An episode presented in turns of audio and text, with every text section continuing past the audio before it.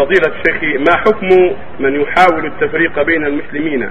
بقوله هذا قبيلي وهذا حضيري وهكذا. ومن هو القبيلي ومن هو الحضيري؟ حضيري لا؟ نعم. نعم. هذه مسألة جزئية ما لها كبير شيء. هذه مسائل بين الناس معروفة. القبيلي الذي له قبيلة معروفة ينتمي إليها كقحطاني سبيعي. تميمي شبه ذلك قرشي هاشمي وما أشبه ذلك. هذا يسمى قبيلي يسمى قبيلة ويقال قبلي القاعدة ويقال حنفي وربعي وأشبه ذلك. نسبة إلى القبيلة التي ينتمي إليها. والخزيري عند عند في عرف الناس في نجد خاصة ولا أعرفها إلا في نجد. وما في غير نجد ما أعرف هذه الكلمة. لكن في نجد معروفة الخزيري عندهم هو الذي ليس له قبيلة معروفة ينتمي إليها عربي ولكن ليس له قبيلة معروفة ليس معروفا بأنه مثلا قحطاني أو تميمي أو قرشي لكن هو عربي ولسانه عربي ومن العرب وعاش بينهم ولو كانت حمولة معروفة وجماعة معروفة لكن إذا كان ليس له قبيلة معروفة ينتمي إليها يقال يسمونه قبيل والمولى في عرف العرب هو الذي أصله عبد مملوك فأعتق فيقال له الموالي والعجم هو الذي لا ينتسب للعرب. العجمي كان من اصول عجمية ليس من اصول عربية قال لهم عاجم. و و والحكم في دين الله أنه لا فضل لأحد منهم على أحد إلا بالتقوى.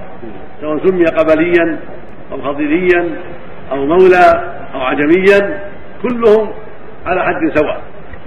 كلهم لا فضل لهذا على هذا ولا هذا على هذا. إلا بالتقوى كما قال النبي صلى الله عليه وسلم. لا فضل للعربي على عجمي ولا عجمي على عربي إلا بالتقوى. ولا فضل للاحمر على الأسود ولا الاسود على الأحمر إلا بالتقوى. كما قال الله عز وجل يا أيها الناس إنا خلقناكم من ذكر وأنثى وجعلناكم شعوبا وقبائل لتعارفوا. إن أكرمكم عند الله يتقاكم لكن من عاده العرب قديما أنهم يزوجون بناتهم من القبائل التي يعرفونها ويقف بعضهم عن تزويج وليس من قبيلة يعرفها. وهذا باقي في الناس. إذا كان ليس من قبيلة يعرفها لم يسمح أن يزوجه بنته إلا إذا كان من قبيلة يعرفها. من جنس القبائل العربية التي يعرفونها. وقد يتسامح بعضهم ويزوج للفضيل وللمولى وللعجمي كما جرى في عهد النبي صلى الله عليه وسلم. فإن النبي صلى الله عليه وسلم زوج أسامة بن زيد بن حارثة ومولاه وعتيقه زوجه فاطمة بنت قيس وهي قرشية وكذلك أبو حذيفة بن عتبة بن ربيعة وهو من قريش. زوج مولاه سالم مولى أبي حذيفة بنت أخيه الوليد بن عتبة. ولم يبالي بكونه مولى عتيقا. وهذا جاري في الصحابة وبعدهم كثير أما الناس بعد ذلك خصوصا في نجد وفي بعض المواضع ذكر الله أعلم بها. قد يقفون عن هذا ويتساهلون في ويشددون في هذا الشيء على حسب ما ورثوه عن آباء واسلاف وربما خاف بعضهم من إيذاء بعض قبيلته. إذا قالوا له لم لا زوجت فلانا؟ هذا قد يفضي إلى الاخلال بقبيلتنا وأن تختلط الأنساب وتضيع الأنساب إلى غير ذلك. قد يعتذرون باعذار في الزواج.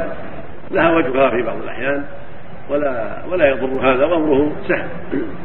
المهم اختيار ما من يصلح للمصاهرة في دينه وخلقه. إذا حصل هذا فهو الذي ينبغي سواء كان عربيا أو عجميا مولاه أو خضيريا أو غير ذلك. هذا هو هو الأساس.